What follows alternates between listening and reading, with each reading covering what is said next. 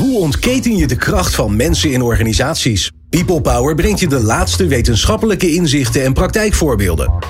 Over leiderschap en leren. Betrokkenheid en bevlogenheid. Inzetbaarheid en inclusie. Omdat mensen het verschil maken in jouw organisatie. People Power met Glenn van der Burg. Over het belang van diversity, equity en inclusion wordt al veel gesproken. En met een inclusieve organisatie heb je bijvoorbeeld toegang tot een veel groter deel van de arbeidsmarkt. Diverse en inclusieve teams presteren beter. En diverse besturen nemen betere besluiten. Om maar een paar voordelen te noemen. In vorige afleveringen van People Power hebben we gasten gehad die spraken over hun diversiteitsprogramma's, trainingen, over vooroordelen, etc. Maar hoe zit het nu met de inclusie dichtbij? Tussen mensen. Het belang van interesse en empathie voor elkaar. In wie je eigenlijk bent en wat je gevormd heeft. Hoe ga je daar zelf of in je team mee aan de slag?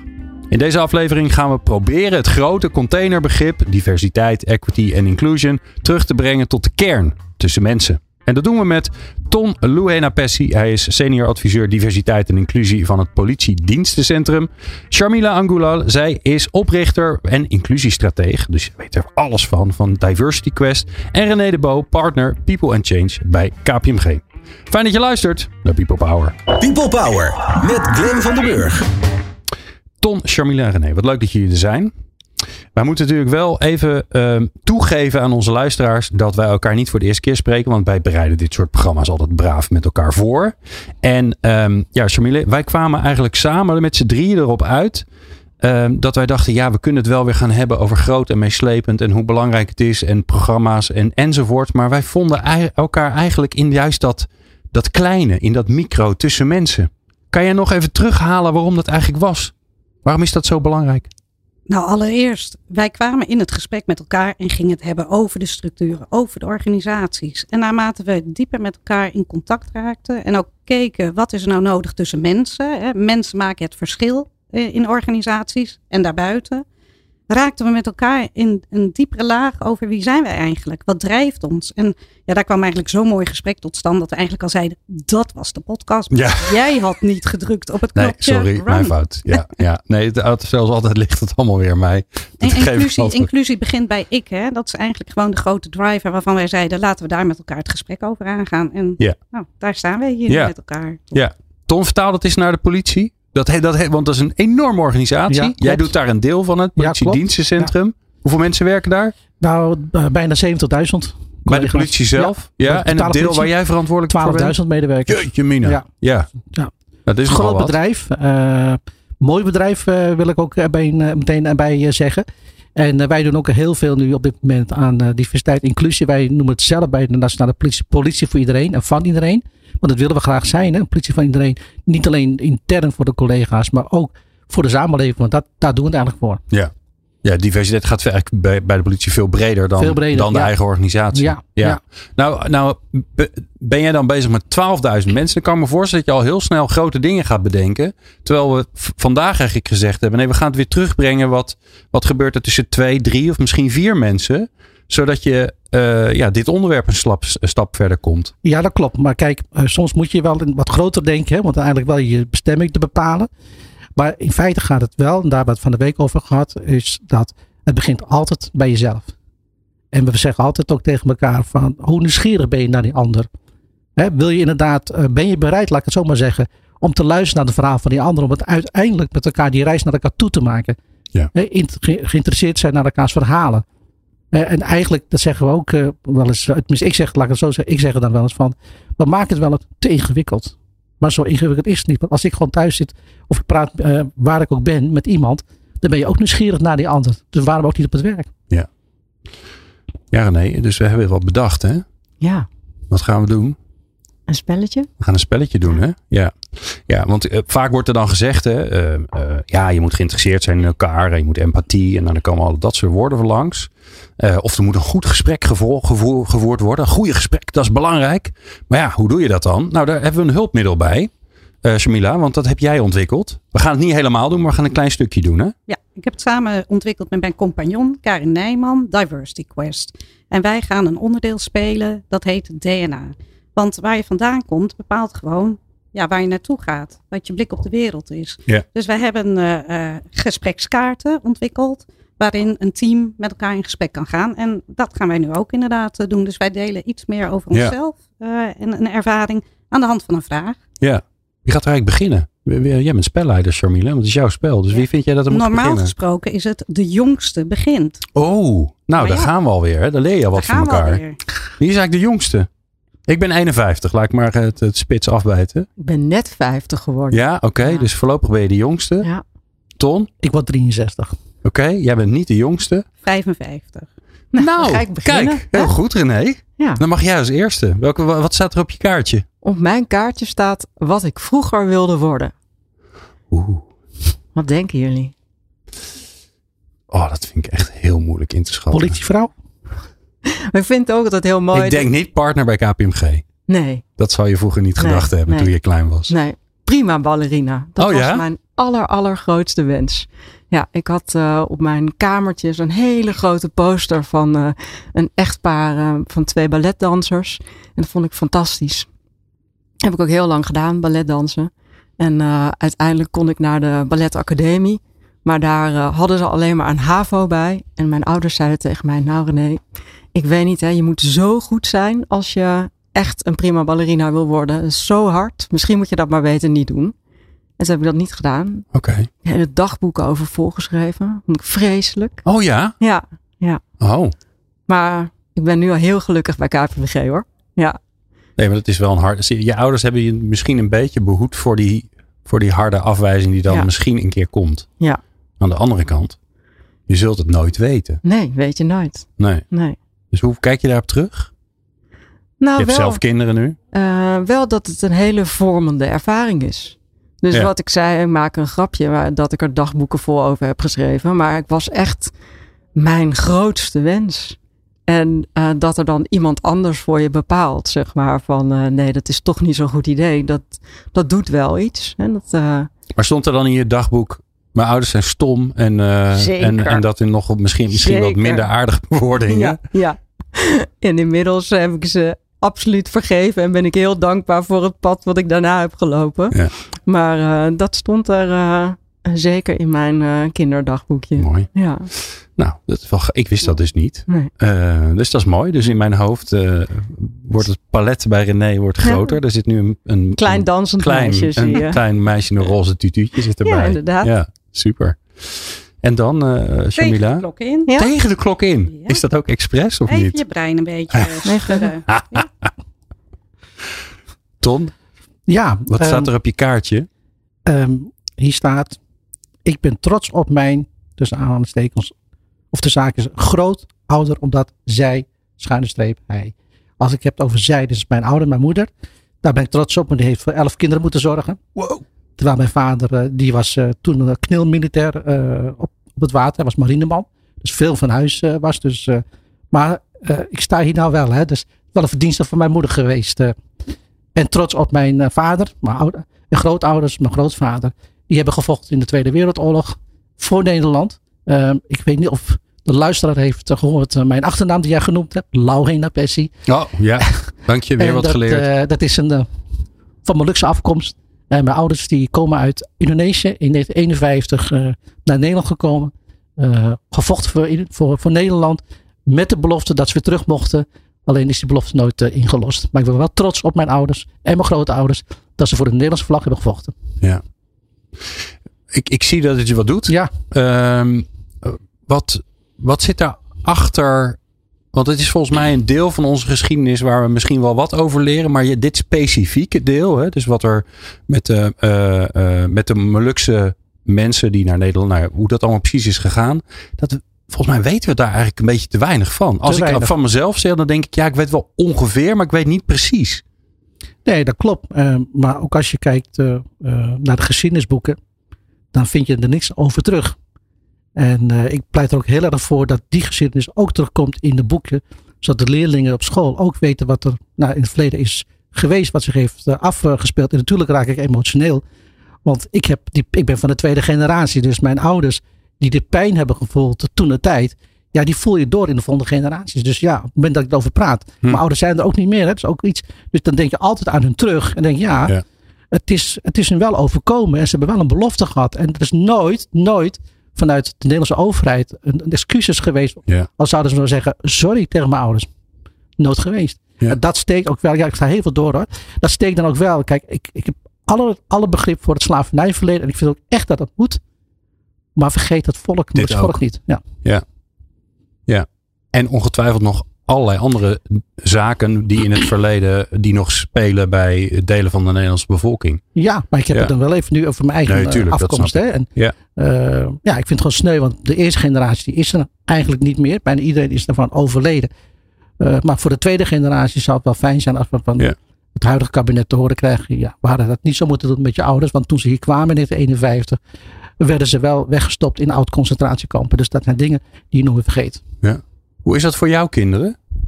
Ja, hoe- hetzelfde. Hoe gaat dat door? Dat gaat door, want eh, nou, ik, eh, ik hoorde iemand gisteren zeggen op televisie dat eh, pijn kan doorgaan tot de vijfde generatie. Nou, ik ben de tweede, dus de derde, vierde, vijfde generatie. Dat gaat echt nog jaren wel. gaat dat nog, nog spelen? Wordt het nog steeds voelbaar? Ik zie het ook aan de, de, de vierde, vijfde generatie Molukse jongeren. Hè? Want, nou, zeg even 20, 15, 20 jaar. Die al zeggen van ja, opa en oma is dit aangedaan. Mm. En dat, dit is nou volgens mij precies zo'n ding. Ik, ik zie jou het nu vertellen. en Ik zie wat het met jou doet.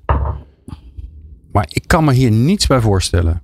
Ik kan wel meevoelen met wat jij voelt. Maar, maar hoe dat door generaties door... Hoe dat doorgaat en hoe dat doorwerkt. En dat die pijn blijft eigenlijk. Dat die misschien een beetje slijt, maar niet heel erg. Dat, eh, dat kun je volgens mij alleen voelen als je, als je er zelf in zit.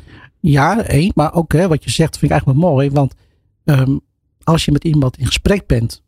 Hè, je bent op zoek naar, dat- naar, naar toch naar het verhaal van de ander. Hè, dus nieuwsgierig naar de ander. Probeer dan wel aan te voelen wat die ander voelt. Ja. Je kan het niet zelf voelen, maar probeer het in ieder geval aan te voelen. Ja. Dus ook de dingen hè, wat je tegen elkaar uitspreekt. Maar het gebeurt wel omdat jij laat zien dat het je raakt. Ja. Hè, dus, en dat is natuurlijk ook een, ja, dat vind ik altijd een beetje zo'n zeurwoord. Maar dat is natuurlijk, als jij, als jij niet durft om dat te laten zien. En we noemen dat dan kwetsbaarheid. Ik vind het eigenlijk een stom woord. Eigenlijk is het alleen maar heel krachtig. Eh, want het hoort bij het leven, het hoort bij wie, bij wie, wie jij bent. Dan, dan, dat maakt het, eigenlijk maak jij het voor mij makkelijker om het erover te hebben. Omdat ik zie wat er gebeurt in plaats van dat het Ja. een soort van, nou ja, Nou ja, je zegt, Mededeling je is. zegt de kwetsbaarheid. Ik, ik zie het ook als stem van mijn ouders. Die gehoord moet worden. oh ja. Want hun stem is nooit gehoord.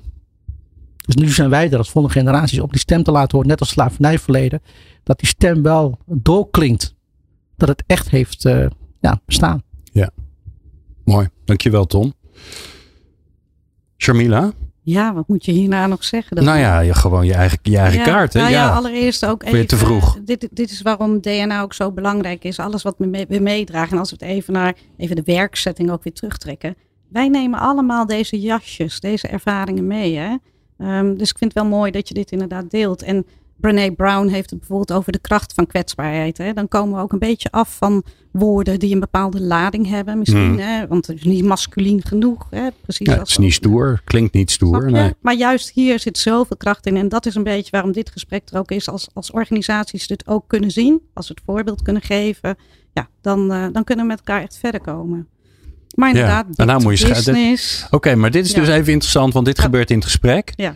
Ehm, straks, als je dit spel eens een keer gaat spelen in je team, dan gebeurt dit ook. Ja. Hoe ga je dan Klopt. door? Zonder dat je denkt, ja, maar eigenlijk is het nog helemaal niet af. Of Ja. we moeten hier nog meer aandacht Ja. aan besteden. Of hoe doe Nou, je dat? Een van de dingen Want is, ik vind het lastig. je moet tijd nemen voor dit soort gesprekken. Je kunt het niet even tussendoor doen. Niet even in een radioprogramma Dat moet je gewoon niet doen. Dus je moet gewoon ook weten, we gaan dit doen. En het is een andere manier om over samenwerking te praten. Heel laagdrempelig. Ja.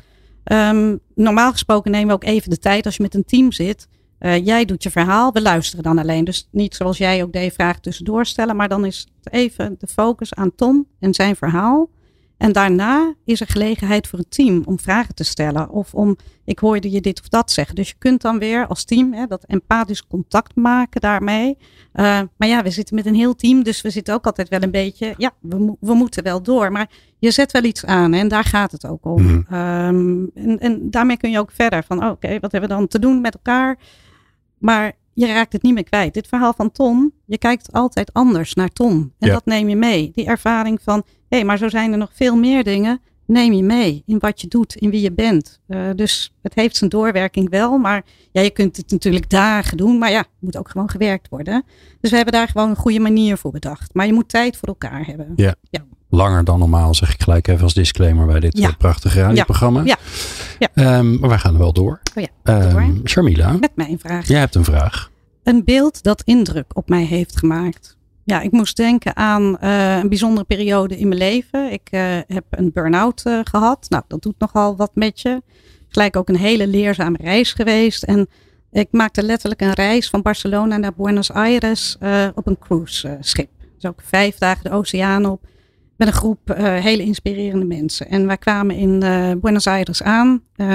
daar hadden we eerst een workshop van de tango. En toen gingen we daarna wat leuke dingen doen. En uh, we komen op een plein terecht. We konden even rondlopen. Dus ik loop daar rond. En nou, het is een soort van demonstratie, maar heel vredig. Allemaal vlaggen en kleuren. En wat zie ik daar in één keer? De dwaze moeders. Hmm. De dwaze moeders die ik kende vanuit de tv. Tachtig, hè? En daar sta je dan oog in oog mee. En ik, ja, ik werd daar zo door geraakt. En nou ja, ik sprak ook met ze. Zij spraken natuurlijk Spaans. Dat sprak ik toen nog niet. Maar je raakt zo'n contact omdat je voelt wat zij voelen. Hè? Als we het hebben over empathisch vermogen. Wetende dat zij daar 80, 90 jaar oud zijn. Hun kinderen zijn verloren. En nog steeds gewoon die strijdvaardigheid hebben van wij staan hier voor de goede zaak.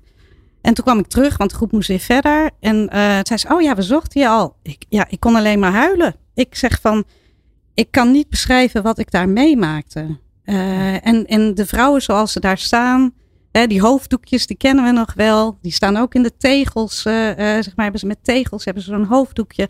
Dat raak ik niet meer kwijt. En dan denk ik echt van, ja, zulke krachtige vrouwen die zoveel bij zich dragen en nog steeds gewoon staan waar ze dan voor staan. Ja, dat, dat heeft bij mij echt uh, grote hm. indruk gemaakt. Ja. Wauw. Ja. Ja, en het eerste wat ik gelijk denk is, ik ken ze inderdaad uit de jaren, uit mijn eigen jeugd. Ja. Jaren 80, jaren 90 ja. misschien, weet ik niet precies. Maar ze staan er dus nog steeds. Ze staan er nog steeds. Ja, dat wist ik helemaal niet. En ik volg ze dan op Facebook en dan zie je af en toe die is overleden, die is overleden. Maar over de hele wereld, we voelen, we voelen nog met ze. Dus wij, weet je, wij kunnen dat als mensen. Wij kunnen zo invoelend zijn als wij dat willen. En uh, dat lijkt op die werkvloer een beetje kwijt te zijn. Hè? Dus dit soort verhalen vind ik ook belangrijk om uh, ja, dat, dat, ja. dat kunnen delen daarin. Ja. ja, wij kunnen dat als het dichtbij is, toch? Jij, jij ziet die dames, je gaat met ze praten. Um, ik denk als je het op tv ziet, dan denk je, oh, ze zijn er nog steeds. En dan ga je weer door met wat je aan het doen was. Ja. Dat vind ik ook het mooie aan dat, wat we nu aan het doen zijn. Even complimenten voor jullie allemaal. Dat, dat als je het over diversiteit hebt, dan denk je, ja, het is een soort algemene term. En als je ineens mm. nou, het verhaal van Ton en jouw verhaal hoort, dan komt het ineens dichtbij. Um, dan worden mensen rijker en krijgen ze meer kleur. Um, en dan gaat, dan gaat het ineens ergens over. Ja. ja nou moet ik hè. Ik probeer een beetje ja. eronder uit te komen. Dat lukt natuurlijk niet. Dus even kijken. Ik heb een heel stapeltje. Ik ga er eentje random uh, uitkiezen. DNA-kaartje. Waarom heet ze eigenlijk DNA-kaartje, Sharmila? Ja, DNA. Ons DNA van diversiteit. In wie we zijn. Ja, het is Dichtbij. wat ons mensen maakt. Ja. ja. Wat ik eens ook doen? Ik doe deze. Voelen. Ik voel altijd. Ja, dit is hem. dit is de aas, denk ik dan. Oh. De vakantie bracht ik in mijn jeugd zo door. Ja, um, nou mijn ouders die hebben heel lang uh, geen auto gehad. En dat was eigenlijk helemaal niet raar in mijn jeugd. Ik weet niet hoe het bij jullie was, maar bij mij was dat in de buurt eigenlijk helemaal niet raar. Er hadden niet zoveel mensen die hadden een eigen auto. Dus ik ging uh, de eerste jaren dat ik mij bewust ben dat ik op vakantie ging, ging ik uh, met de fiets, met mijn ouders naar uh, Soesterberg. Daar was een uh, vakantieparkje. En met mijn neven, neven en nicht. Uh, met mijn neven, twee neven en mijn oom en tante. Dus we waren met twee gezinnen. En, um, en dat was meer dan genoeg eigenlijk. Het was altijd lekker weer in mijn gedachten. Misschien is het wel rot weer geweest, maar dat heb ik gewoon niet onthouden. Dus dat helpt weer. maar ik ging dus op mijn... Ik denk dat ik zes was. Ging ik van Pijnakker, daar woonde ik, naar, naar Soesterberg. Daar fietsten wij gewoon naartoe. En dan uh, hadden we daar uh, een weekje of misschien twee weken. Ik weet het niet eens meer. Dat is wel fantastisch wat uh, de tijd doet hè, met je brein. En daar, ja, daar maakten we gewoon lol. En dan gingen we rommelen. En we gingen nergens, bijna nergens naartoe. Volgens mij had je in Soesterberg had je toen nog de vliegbasis. Daar gingen we dan wel eens heen. Maar verder lagen we in een zwembad. En, eh, en dan na een week of twee weken, want ik weet niet meer of het een week of twee weken was. Ik moet het even bij mijn ouders checken. Dan, dan fietsten we weer naar huis. Soesterberg Pijnakker. Volgens mij is het iets van 60 kilometer of zo met die kleine beentjes. Blijkbaar lukte mij dat. Ik denk als je het tegenwoordig doet, dan, zeggen mensen dat, je, dat het een soort kindermishandeling is. Maar uh, wij vonden het erg leuk. Dus dat was het. Mijn jeugd. En daarna natuurlijk allerlei andere dingen. Maar dit kan ik me nog heel goed, uh, heel goed herinneren. Ja, mooi dat dat ook zo oppopt dan. Hè? En ook de, de simpelheid van ja, wat we deden. Hè? Daar hadden we het ook al over met buitenspelen. En jij nu ook zo'n vakantie. En dan, ja, dat zijn je geluksmomenten. Hè? Ja, ja. En um, wat mij dat in ieder geval wel geholpen heeft, zeg maar in de rest van mijn leven, is dat ik, uh, is dat je niet zoveel nodig hebt eigenlijk aan spullen en dingen. En uh, ik heb ze wel hoor. Ik ben ook hedonistisch, maar ik kan ook prima zonder. Um, en dat is toch wel fijn. Zie dat nu wel eens aan die kids tegenwoordig. Ja. denk ik, jeetje, Mina zeg. Oké, okay, en dan een week zonder je telefoon. Dan ga je dat overleven. Nou, overleven ze ook alweer, maar... Alright. Um, leuk, zo met die kaarten. Ga ik vaker doen. Vind ik een goed idee. Uh, waar ik straks met jullie heel graag over wil praten. Want wij doen het nu in een studio. Wat natuurlijk eigenlijk een belachelijke situatie is om jezelf bloot te geven. Want je staat voor een microfoon met een koptelefoon op. Dus dat is als er iets uh, niet, uh, niet per se heel comfortabel is, is dit het wel. Um, dus dan gaan we zomaar eens even vertalen naar de organisatieomgeving. Wat moet je dan eigenlijk gaan creëren om te zorgen dat je dit soort vragen uh, kan stellen, zodat mensen zichzelf gaan laten zien? En dat hoor je zo. Experts en wetenschappers over de kracht van mensen in organisaties. People Power. We praten met uh, Ton Lauhena Pessi. Ik heb uh, goed geluisterd goed naar je, Ton. Ja, ik, ik, heb altijd moeite met als er een ouw staat, dan ga je, zeg ik toch een oe. Ik weet niet wat dat is. Uh, Sharmila Angula en René de Bo praten we over uh, diversiteit, inclusie en equity. Ik gooi ze lekker een beetje in de tombola. Maar dan heel dichtbij. We hebben net uh, even zelf gepoogd het goede voorbeeld te geven. Volgens mij is het hartstikke goed gelukt trouwens. Um, ja, de vraag is natuurlijk wel, hoe zorg je er nou voor dat dit soort gesprekken, dat mensen vertellen wat ja, wat ze echt bezighoudt. In plaats van het, de veilige kant van het verhaal. Uh, hè, mooi voorbeeld van Ton. Hè. Ton, je laat je zien. Je laat zien wat het je doet. Dat het je raakt. Dat je er emotioneel van wordt. En dan gebeurt er iets. Als de, ja, nou ja, ik stel hem maar open. Wat is daarvoor nodig, Ton? Dus stel je voor dat je bent teamleider en je wil zoiets gaan doen. Wat, wat, moet je gaan creëren? Nou, ik denk zelf een, een, veilige ruimte en een moedige ruimte om, zoals ik hè, me kunnen uiten net, voelde ik me ook veilig in deze setting. Uh, en nou ja, ik kan wel vanzelf zeggen, ook getuige van moed om het ook te durven uit te spreken. Hè, want ja, ik kan daar echt emotioneel van worden. En op het moment dat je dat doet, en dat doe ik vaak in mijn team, ik heb zelf ook een, een team, dan, dan raakt het ook een ander. En dan hoop je ook in feite de ander uit te nodigen. Door misschien ook iets te vertellen wat, nou, wat de persoon uh, bezighoudt. Ja. Nogmaals, maar die moeten dan altijd zich veilig voelen in die setting waar we zitten. Ja. En dan dan denk ik dat iedereen nu denkt, die luistert, denkt, ja, we moeten een veilige setting creëren. Hoe dan? Want dat is niet zo makkelijk volgens mij. Nee, nee, dat klopt. Dus wat doe jij zelf dan? Als je dat moet gaan uh, creëren? Ja, het, eigenlijk zijn daar geen spelregels voor. Vind ik dan persoonlijk. Hè? Okay. Ik bedoel, uh, die, creëert, die creëer met z'n allen. Een veilige setting. Ja. Ik kan dat niet gaan creëren. En dat kunnen mijn collega's uh, als individu ook niet doen. Maar dat doe je met z'n allen. Door nogmaals uh, goed naar elkaar te luisteren, elkaar uh, te respecteren. Uh, wat degene ook wil vertellen. Mm. dat ook aan kan voelen. Hè, van oké, okay, daar zit misschien wat pijn. en laat ook de ander uitpraten. Maar vooral gaat het, gaat het mij in ieder geval erom dat je, dat je uit respect naar elkaar luistert. Maak je dan afspraken vooraf? Dat je zegt, oké okay, jongens, we gaan... dit zijn de, de afspraken die we elkaar maken voor dit gesprek. Nou, in ieder geval de afspraak dat datgene wat je met elkaar deelt bij elkaar, dus in dezelfde ruimte ook blijft. Hè? Okay. Dus dat ook een afspraak. Dus dat we niet, op het moment dat wij uh, misschien een aantal dingen delen die je, dat, dat je dat last vindt om te delen, dat je vervolgens uh, de volgende bij de koffieautomaat hoort van hé, hey, uh, daar is gisteren met jullie over gesproken. Dus dat Ja. is ook echt voor onszelf. dat is wel een verzoek die, die we doen. En wat je ook vaker hoort is van, laat je nou niet afleiden, maar kom gewoon met je eigen verhaal. Dus ook afleiden van, zeker bij de politie, we zijn heel erg geneigd om heel snel die telefoon bij te houden. Hè, want ja, er gebeurt wat op straat. En soms moet je ook jezelf het gunnen Mm. om met elkaar te zijn. En wat is jouw rol? dus stel dat, dat er een, een, team is en die nodigt je uit. Die zegt, uh, Ton, we moeten het er echt over gaan hebben. Dus je zegt, dat is goed, maar dan gaan we het er wel persoonlijk over hebben. Dan heb jij ook een rol als nou ja, begeleider of uh, gespreksleider. Ja, ja, dan vertel ik eigenlijk uh, hoe ik erin zit. Hoe ik in het leven sta en hoe ik er naar okay. kijk.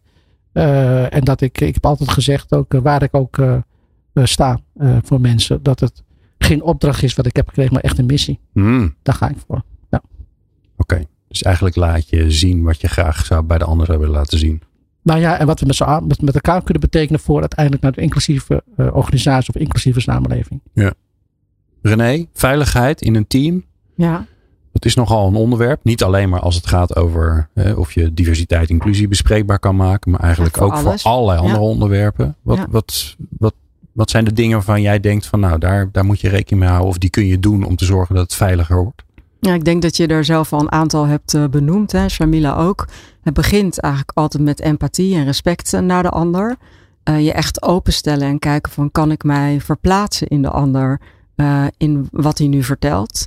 Nieuwsgierigheid, oprecht eh, durven vragen naar hey, hoe zit dat, hoe is dat voor je? En ook erkenning geven voor die gevoelens. Dus wat we vaak doen is heel zakelijk, oh ja, verhaal gehoord en door maar echt de ander erkennen. Want ik denk dat waar mensen behoefte aan hebben, is hun verhaal delen, zodat ze het gevoel hebben: ik word gezien in de pijn of de mooie dingen die ik heb, gewoon in wie ik ben. En ik wil ergens bij horen. Dus volgens mij, veiligheid gaat over die twee dingen heel goed in de gaten houden. En zo onderling vertrouwen opbouwen zodat we uh, ja, daar steeds meer ruimte voor gaan maken om dat soort gesprekken met elkaar te voeren. We hebben het nu over de vorm dat je zo'n gesprek entameert. Um, maar eigenlijk wil je dat natuurlijk voortdurend in je dagelijks leven kunnen doen. Ja. En bij wijze van spreken bij de koffieautomaat op maandag ook kunnen delen dat je er vandaag niet zo goed in zit, omdat je van het weekend iets naars mee hebt gemaakt. Dat is eigenlijk, en nu hebben we het over uh, misschien wel uh, grote verhalen die je gevormd hebben, maar je blijft gevormd worden en je blijft dingen meenemen die af en toe een uitlaatklep nodig hebben. Ja. En denk nog iets toevoegen op uh, uh, waar we het net over hadden, zo'n gesprek dan voeren. Wat ook wel echt helpt om veiligheid te creëren, hebben we gemerkt, is dat iedereen evenveel spreektijd krijgt. Hmm. Dus echt, als je nou zo'n gesprek uh, echt ge, geanceneerd gaat voeren, begeleid gaat voeren, zorg dan ook dat je afspraken maakt over de tijd. Want dan krijg je dus ook echt dat iedereen zich in even redige mate gezien en gehoord kan voelen. Ja. Dat is ook belangrijk. Ja. Ja, en wat ik je eigenlijk hoor zeggen ook is: zorg dat mensen zich veilig voelen in de groep. Terwijl wat je misschien gaat vertellen er voor, voor je gevoel voor zorgt dat je, er, dat je je er buiten stelt. Ja. Omdat je gaat afwijken, omdat Ja. je een ander verhaal hebt dan de andere, of denkt dat je een ander verhaal hebt dan Ja. de andere. Sharmila, wat, uh, wat wil je eraan toevoegen? Nou, Want jij hebt er voor het spel natuurlijk om- enorm over nagedacht. Ja, precies. Uh, om vooraf echt die commitment met elkaar af te spreken. En die safe zone te kunnen creëren. Hè, en dat hebben wij nu niet gedaan vanwege de tijd. Maar dat je vooraf ook echt zegt van... voel je vrij om te delen wat je wil delen. Hè? Dus je, uh, en als je een ander kaartje wil omdat je denkt... dat weet ik niet of dat wil ik, daar wil ik niks op zeggen... voel je vrij om een andere vraag te beantwoorden. Mm. En hè, blijf aan deze tafel. Kijk, en het, is niet zo dat dit dan het gesprek is. Normaal gesproken hangt er een opdracht nog bij over samenwerking of over. Hè, dus je begint op deze manier, zodat we gewoon alles wat we normaal gesproken zeg maar bij die draaideur achter ons laten als we het kantoor binnenkomen. Um, ja, en dan ben ik inderdaad degene, de professional. Maar dat zijn we natuurlijk niet. We zijn al die andere lagen en identiteiten die we met ons meedragen. En, um, maar ja, jij zegt dus vooraf, voordat je begint, in Ja. dit geval aan het spel, maar Mhm. je zou dus ook kunnen zeggen voordat je aan het gesprek begint. Ja. het klinkt een beetje saai, maar goed afspraken maken, contracteren. Oké, het gaat dus niet, het, ga- het blijft in deze kamer. Uh, dit is hoe we uh, onszelf naar elkaar opstellen. Het voordeel is natuurlijk, die kaartjes helpen je om goede vragen te stellen of gesteld te krijgen eigenlijk.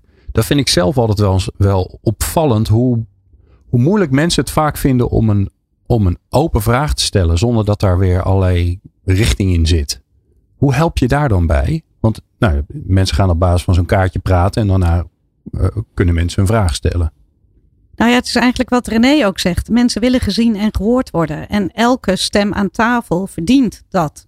Uh, dus dat kun je hè, met bijvoorbeeld iets soort kaartjes doen. Maar dat kun je ook gewoon met issues doen. Of met vraagstukken in je team. Hè. Dus je hoeft niet per se op dit niveau ook te gaan. Maar dat we met elkaar leren om uh, ons luistervermogen te vergroten. Daarmee onze perspectieven. En ook die veilige zone. Hè. En, en dat heb je natuurlijk niet zo. Maar dat hangt ook van de context af. En daar moet je aan werken. En het is niet zo, nou hebben we dit gedaan. En nou hebben we een veilige zone elke dag opnieuw weer, elke uh, contextueel gebonden situatie maakt ook, want zo zit ons brein in elkaar. We scannen, is dit veilig? Is dit niet veilig? Maar sociale veiligheid is niets meer of minder dan het creëren van een klimaat waarin we die risico's, die intermenselijke uh, risico's durven te nemen om iets te delen. Om inderdaad, nou jij noemde het al, moed uh, voor die kwetsbaarheid te tonen. Um, en inderdaad, aan de andere kant ook dat zo te ontvangen. Hè? En kunnen we dat klimaat creëren? Ja, en dat begint toch echt wel aan ja, bij die leiders daarboven, die top. Hoe vrij kan ik me voelen? Hebben we, eh, is er een afrekencultuur? Of kunnen we uh, dit soort dingen delen? En dat, dat is zeg maar wel het oefenen. Uh, elke keer weer om dat te durven, je grenzen te verleggen. Um, en ook dat is het speelveld hè, van sociale veiligheid creëren. Het, is een klimaat waar we met elkaar verantwoordelijk voor zijn, maar waar we ook aan moeten bouwen. En hoe ga je er dan mee om op het moment dat je merkt dat er signalen zijn die het onveilig maken? Dus bijvoorbeeld Ton vertelt zijn verhaal. En je ziet mensen daar niet op reageren van jeetje, doet wat met je en ik, en ik, ik, ik leef met je mee. Maar denk, ja, er wordt gezucht. Of de, of, hè, dus niet heel verbaal, wordt niet gezegd, nou Ton, sorry, maar ik vind het onzin wat je vertelt. Of uh, stel je niet zo aan. Of, dan kan je er nog wat mee. Maar meer een beetje de groep waarvan je merkt, nou, het komt niet aan. Sterker nog, ze, ze duwen Ton een beetje naar buiten in plaats van dat ze hem in, in de armen sluiten. Hoe ga je daarmee om? Ja, dan is het ook belangrijk dat je ofwel, hè, als je zonder facilitator doet, dat je echt wel, want je bent verantwoordelijk voor die hele groep op dat moment. Of als leidinggevende, of als uh, wie dat is. Dus dat betekent ook dat je soms in zal moeten grijpen uh, daarin. En dat je het hebt over het respecteren van elkaars grenzen uh, daarin. Maar dan zak je eigenlijk ook wel weer een laag dieper. Want misschien is er wel meer aan de hand waarom ze zo zuchten en wat er zo is. Kun je op dat moment, en soms is daar niet het moment voor. Dat, dan moet je kijken, kan ik dat bespreekbaar maken? Kan ik dat op tafel leggen? Maar de veiligheid van degene die zich kwetsbaar ja, opstelt, die staat natuurlijk ook bovenaan. Alleen er kunnen issues zijn. Dus je moet goed weten Waar kom ik in terecht? Wat is de teamdynamiek? Wat zijn de dingen die eronder spelen? Wat is de mate van sociale veiligheid? Dan kun je ook voelen, ja, hoeveel dieper kan je gaan? Of uh, ja, is dit misschien ook wel nodig? Dat we gewoon ja. hè, naast Ton gaan staan en dan ook zeggen, maar volgens mij moeten we het juist hier met elkaar over hebben. Want hier zitten de issues. Dat kan ook zo zijn. Ja. René? Wat, ja. zou je, wat, wat zou je de, de leiding geven die, die denkt van ja, dit is nou waar ik bang voor ben. Mm -hmm. dus dat dat, dat beginnen en dat aanzetten, dat, dat, dat geloof ik nog wel dat maar dat lukt. Maar wat als het, als het misgaat? Want dan moet ik uit die groep stappen en zeggen: hé hey jongens, ik zie hier iets gebeuren. Wat ik niet oké vind. Daar moeten we het nu over hebben. Dat is best wel heftig. Zeker. Uh, volgens mij een paar dingen. Als je zo'n gesprek met je team voor het eerst wil gaan voeren, moet je bij jezelf denk nagaan ben ik geëquipeerd als leidinggevende om dat op die manier te doen? Wil ik dat zo aangaan of wil ik dat laten faciliteren? Op het moment dat je het laat faciliteren en zoals Jamila zegt het ook goed contracteert, spreek je ook met die facilitator af dat die op zo'n moment uh, dan daarin zal stappen. Ja. Uh, maar het uh, blijft natuurlijk niet alleen maar bij dat ene gesprek dat je met elkaar voert. Dus dit soort dingen zul je als leidinggevende moet je het goede voorbeeld geven en moet je normeren. En ik kan me voorstellen dat als er zoiets gebeurt en er is geen facilitator uh, bij, sowieso de vraag stellen: jongens, wat gebeurt hier nu? Ja, wat ik merk, en dan misschien uitspreken van: ik merk dit of ik zie dit gebeuren. En dan aan nou, bijvoorbeeld uh, Ton vragen: wat doet dat met jou? Hè? Wat, en hoe komt het op jou over? Um, en vervolgens daar het gesprek over uh, hebben en kijken wat zit daar inderdaad eigenlijk onder. Ja. ja. Tom, wat zou jij doen? Ja, in, in feite uh, uh, precies hetzelfde. Ik ben heel erg nieuwsgierig ook hè, naar, die, naar die ander. Dus stellen. Hè? Dus, dus ik doe mijn verhaal en dan, dan gebeurt wat in die zaal. Dan zou ik denk ik zelf ook de vraag stellen. Goh, ik zie dat je lacht of niet lacht. Maar het- dat, eh, dat vind ik ook interessant. Oké, je benoemt eigenlijk wat je ziet. Ja, En je checkt ook even van, nou, is dat van, eigenlijk wel zo? Eh, ja, eh, klopt dat inderdaad? Hè? Of, of lach je? Maar daar ben ik wel nieuwsgierig naar. En zou jij dan misschien met je verhaal willen komen waarom jij nou reageert zoals je reageert? Lukt je dat dan? Want dat is best wel, zeker als je zelf Nou ja, jezelf opent kijk. en je verhaal vertelt. Dan komt hij en dan kom je op het ongemakkelijke. Ja, dat is En dat wel is zeggen. ja. vaak dat de, hè, de meest toch dat ongemakkelijke proberen te vermijden. En juist in, in, in dit veld, zeg maar, als het gaat om die inclusie en diversiteit, eh, ja, gaat het vaak ook over het ongemakkelijke. Moet je, sommige blokkades moet je gewoon opheffen. Wil je uiteindelijk komen tot datgene wat je graag ja, met elkaar eh, wil, wil eh, bereiken. Vind ik wel mooi wat je zegt, Tom. Het is echt van durf je met elkaar de plek der moeite op te zoeken. Hè? Waar het echt dat je pijn in je buik voelt en denkt, oeh, wat moet ik hiermee? Maar dat je daar toch bij dat ongemak blijft. Ja. Ja. Ja. Hoe belangrijk is, eh, daar zit ik zelf mee in mijn hoofd, dat ik, nou ja, eh, hoe belangrijk is het hoe groot die groep is? Want ik kan me voorstellen als je voor een zaal voor, voor 100 mensen staat, of je bent met z'n drieën, dat het nogal uitmaakt. Sharmila? Ja, wat wil je raken? Eh, wij hebben eh, niet zo lang geleden voor 80 managers eh, een sessie gedaan over sociale veiligheid. Dan raak je een bepaalde laag. Maar soms is dat genoeg hè, als eerste laag om je bewust te worden. Hè. Er is een eh, directeur die dan bewust kiest van dit wil ik aan met deze groep. Eh, we gaan hiermee aan de slag. Je krijgt een stukje kennis. We gaan een stukje ervaren. Dan gebeurt daar al wat. En Ja. natuurlijk moet je dat in kleinere groepen doen. Hè. Eh, dan raak je de oppervlakkigheid. Tuurlijk kunnen we met elkaar in de oppervlakkigheid ook over dit onderwerp in gesprek gaan. Maar wat willen we nou met elkaar bereiken? En wat Hm. hebben we het gewoon met elkaar te doen vooral? Hè? Dus neem het daarna vooral gewoon mee naar je eigen team of naar... En dat kan ook in intervisie. Er zijn natuurlijk eh, eh, organisaties genoeg. Als je met elkaar van elkaar wil leren, eh, je ontwikkelen. Hè, breng dit soort vraagstukken ook mee naar een intervisie. Maar ook als je het hebt over een, een board of een top van een organisatie. Je hebt een strategiedag. Nou, er zit een stukje zakelijkheid in.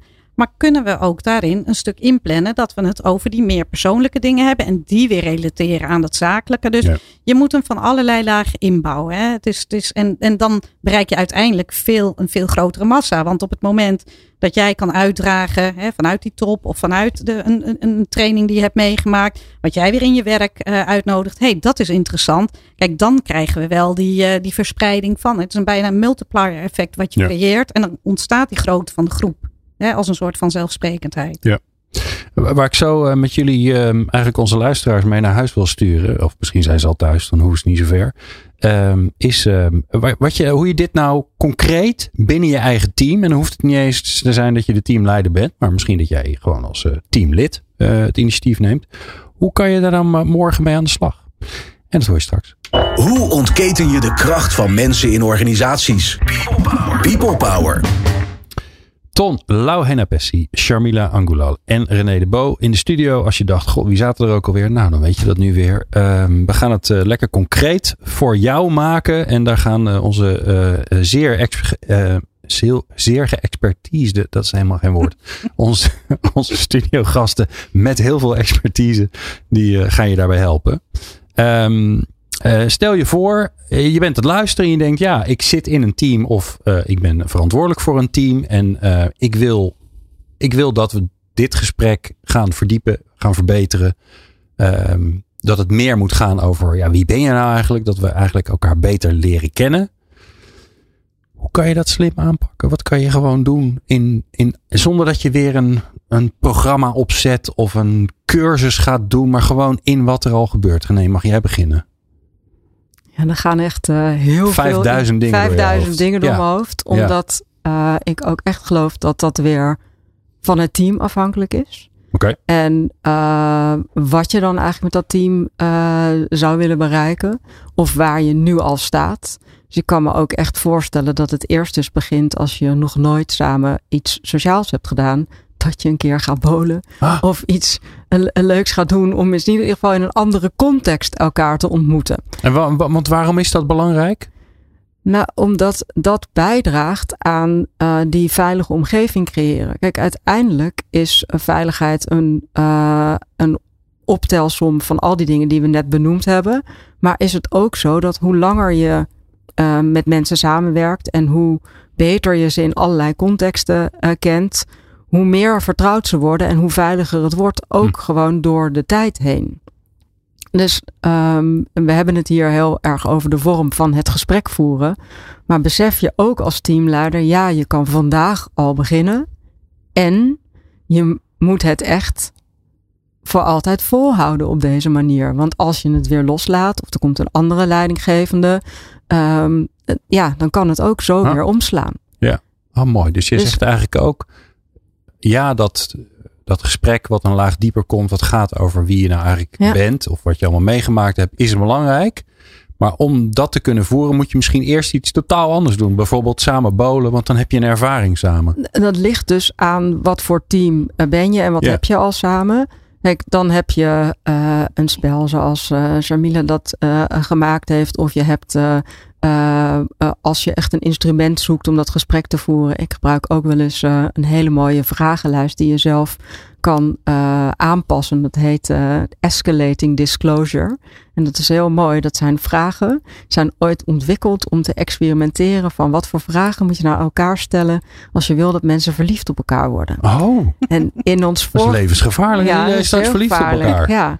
Maar eigenlijk er moet gewoon sowieso meer liefde in het bedrijfsleven en in organisaties. En dat lijkt me een goed beginpunt, ah. want daar gaat het eigenlijk over. Ja, kan ik jou zien en kan ik de ander zien? Dus uh, en dat doe je in uh, kleine groepjes. Dat doe je één op één. Stel je elkaar eerst hele veilige vragen.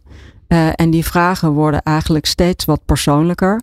En het bijzondere is, omdat je eigenlijk steeds voelt van, oh deze vraag is eigenlijk best veilig, dat durf ik wel te zeggen, te vertellen. Help je mensen om steeds iets verder te gaan. En zo zijn er legio nou, instru instrumenten om een eerste stapje te zetten. Ja, en ik hoor je zeggen, uh, jij als teamlid of teamleider weet eigenlijk het beste waar je staat met je team. En, en, en ja, wat juist is op dit moment. Ja. En misschien ook wat te vroeg is. Ja, Ton, wat zou je onze luisteraar adviseren die gewoon aan de bak wil? Nou ja, je zei volgens mij net van, dus dat ik als leidinggevende, ik pak even bij mezelf terug. Ik vind het belangrijk. Maar vindt mijn team het ook belangrijk? Dus ik zou die vraag aan mijn team willen stellen. Oké. Vinden jullie het belangrijk, datgene wat ik voel en ervaar, om met elkaar daarover in gesprek te gaan? Ik geef een voorbeeld. Uh, we hebben bij de politie, in ieder geval bij het politiedienstencentrum, een masterclass inclusief leiderschap ontwikkeld. Uh, dan zou je kunnen denken, nou, dat gaan we gewoon ontwikkelen. We gaan wat tools erbij halen. We gaan met universiteiten praten. Maar ik heb eerst met al die leidinggevenden gesproken. Die er naartoe gaan. Aha. En gevraagd, vinden jullie het belangrijk? Uh, en waarom vind je het belangrijk? En wat zou je dan daarin terug willen zien als we modules zouden gaan ontwikkelen? Nou, dan zijn ze met heel veel uh, mooie ideeën gekomen, onderwerpen gekomen, thema's hm. gekomen. En dat hebben we dus ja, eigenlijk ontwikkeld verder. En je, daardoor... hebt, je hebt inclusief ontworpen eigenlijk. Ja, ja. maar het draagvlak is ook belangrijk, hè, vind ik zelf. Maar bedoel, wij kunnen bedenken, ik kan het bedenken voor, voor iedereen. En ik weet hoe ik erin sta, maar ik ben altijd nieuwsgierig naar die ander. Hoe staat die ander erin? En als je dan het gevoel hebt als leidinggevende van hé, hey, mijn team die, uh, die staat er open voor. Nou, dan gaan we de volgende stap maken. Zullen we dan een teambuildingsdag gaan organiseren met elkaar? En dan gaan we dit doen. Maar dan, als je die teambuildingsdag gaat organiseren, ga je ook weer mensen die in die teams zitten praten van, goh, wat vinden jullie belangrijk wat erin zit? Ja, maar ook het feit van, en wat ga je er zelf aan bijdragen om het een geslaagde dag ervan te maken? En het mooie vind ik dat door, dat te doen, ben je eigenlijk al aan het veranderen voordat er überhaupt die masterclass plaats heeft gevonden. Ja, klopt. Ja. Hmm, smart. Oké. Okay. Sharmila. Nou, ik wil even één specifiek team uitlichten. En dat is toch wel het topteam. Bovenaan de organisatie. We denken vaak, oh, dat is daar ver weg en die bepalen van alles. Maar ook dat is een team met mensen die zich aan uh, de organisatie hebben gecommit met hun organisatie en waarden. En om dat gesprek daar weer terug te brengen. Zij zijn namelijk degene die hier ook gewoon uh, KPI's op kunnen stellen. Je kunt op inclusie KPI's stellen. Je kunt het klein maken dat we die organisatie ingaan om de dialoog met elkaar te voeren. Je, maar je moet daarover vertellen. Dus walk the talk, zeg ik dan even daarboven. Dan voelen wij ook allemaal, hey, zij staan ergens voor. Ja, daar ben ik ook voor opgesteld. Dus die common ground, die creëer je eigenlijk al met elkaar, want dat is nodig. Die uh, hang je ook aan je businessdoelen, aan je organisatie en je waarden. En als je vervolgens daar dan eh, met elkaar de dialoog op gaat, uh, over gaat. En je kunt daar ook zeggen, naar aanleiding van zo'n tafel ook, Wat ga ik morgen anders doen? Wat geef ik de organisatie mee? Dus echt wel een aantal activeringsmechanismes om er daadwerkelijk wat mee te doen in plaats van het tot een gesprek te laten. En dan kan ook sociale veiligheid, maar ook hoe we met elkaar omgaan en samenwerking, wordt iets van die organisatie en niet alleen één team of bij een leidinggever of waar er iets is. We staan voor de complexe uitdaging. Dus ik, ik, hè, dit ging over micro. En toch kunnen we niet zonder dat macroniveau. Ja, maar jij zegt die, eh, die, die, die eh, mannen en vrouwen, helaas nog steeds te weinig vrouwen, maar die, die, dat team bovenin, dat managementteam of dat leiderschapsteam, dat, die moeten eigenlijk ook op microniveau aan de slag. Natuurlijk, want daarmee kunnen we gedrag anders laten zien. Het gaat om leiderschap met elkaar maken wij deze cultuur in de organisatie. Hebben wij een bepaald doel? Dus maak er ook een, een, een werkframe van. Hè? Dat het niet zoiets, oh, dan heb je weer zo'n clubje die met elkaar zit te praten. Of ja, maar dit is de verantwoordelijkheid voor de DNI-officer. Nee, dit gaat over ons allemaal. Uh, dit gaat over uh, ja, zoals Mijntje Lucarat het bijvoorbeeld zegt, lange termijn waardecreatie. Hè? Wat creëren wij in die organisatie met elkaar? En dat begint bij jou. Dus ik vind het belangrijker om het gesprek juist ook op dat hogere niveau te tillen, maar wel met elkaar ook gewoon stappen te maken. Wat ik nog wel mooi vind, eh, Glenn, als ik even mag, mag uh, reageren op Samina, dat je zegt het begint bij ik. En eigenlijk als je naar ons gesprek luistert tot nu toe, hebben we het heel erg over de dialoog gehad. Terwijl we daarvoor ook hadden van ja, het begint ook echt bij ik. En dat je met jezelf uh, comfortabel bent of de reflectie doet. Wat wil ik eigenlijk in deze context delen? En wat is van mij en wat is van de ander? Dus ik denk dat er voordat je die dialoog aangaat, misschien ook wel de stap zit als leider om heel veel uh, zelfreflectie, soul searching te doen en dat ook aan te bieden aan je teamleden. Want je kan eigenlijk pas ja, echt zo'n dialoog instappen als je gewoon goed inzicht hebt in hoe zit ik in elkaar en wat betekenen bepaalde gebeurtenissen in mijn leven voor wat ik meeneem. Mooi. Nou, drie fantastische, lekker concrete uh, tips die je kunt gaan doen uh, de komende dagen nadat je dit geluisterd hebt. En ik zou zeggen, doe dat vooral. En het mooie vind ik dat uh, het helpt je eigenlijk overal mee. Want als je jezelf beter snapt of beter vragen leert stellen of uh, het je beter lukt om goed naar iemand te luisteren. Dat heeft eigenlijk overal heeft dat betrekking op. Dus dat is weer heel prettig. wij zorgen in ieder geval voor dat een linkje naar de Escalating Disclosure vragenlijst en, en natuurlijk het spel van, van Sharmila, hè, de Diversity Quest, dat die in de show notes terechtkomt van deze aflevering. Ik dank mijn gasten, Ton Lauhena Pessi, Sharmila Angular en René de Bo voor jullie expertise en aanwezigheid in dit mooie programma. En jij natuurlijk dankjewel voor het luisteren. Iets meer dan 500 programma's kun je nog luisteren via peoplepower.radio. Tot de volgende. Meer luisteren? Ga naar peoplepower.radio en abonneer je op onze podcast.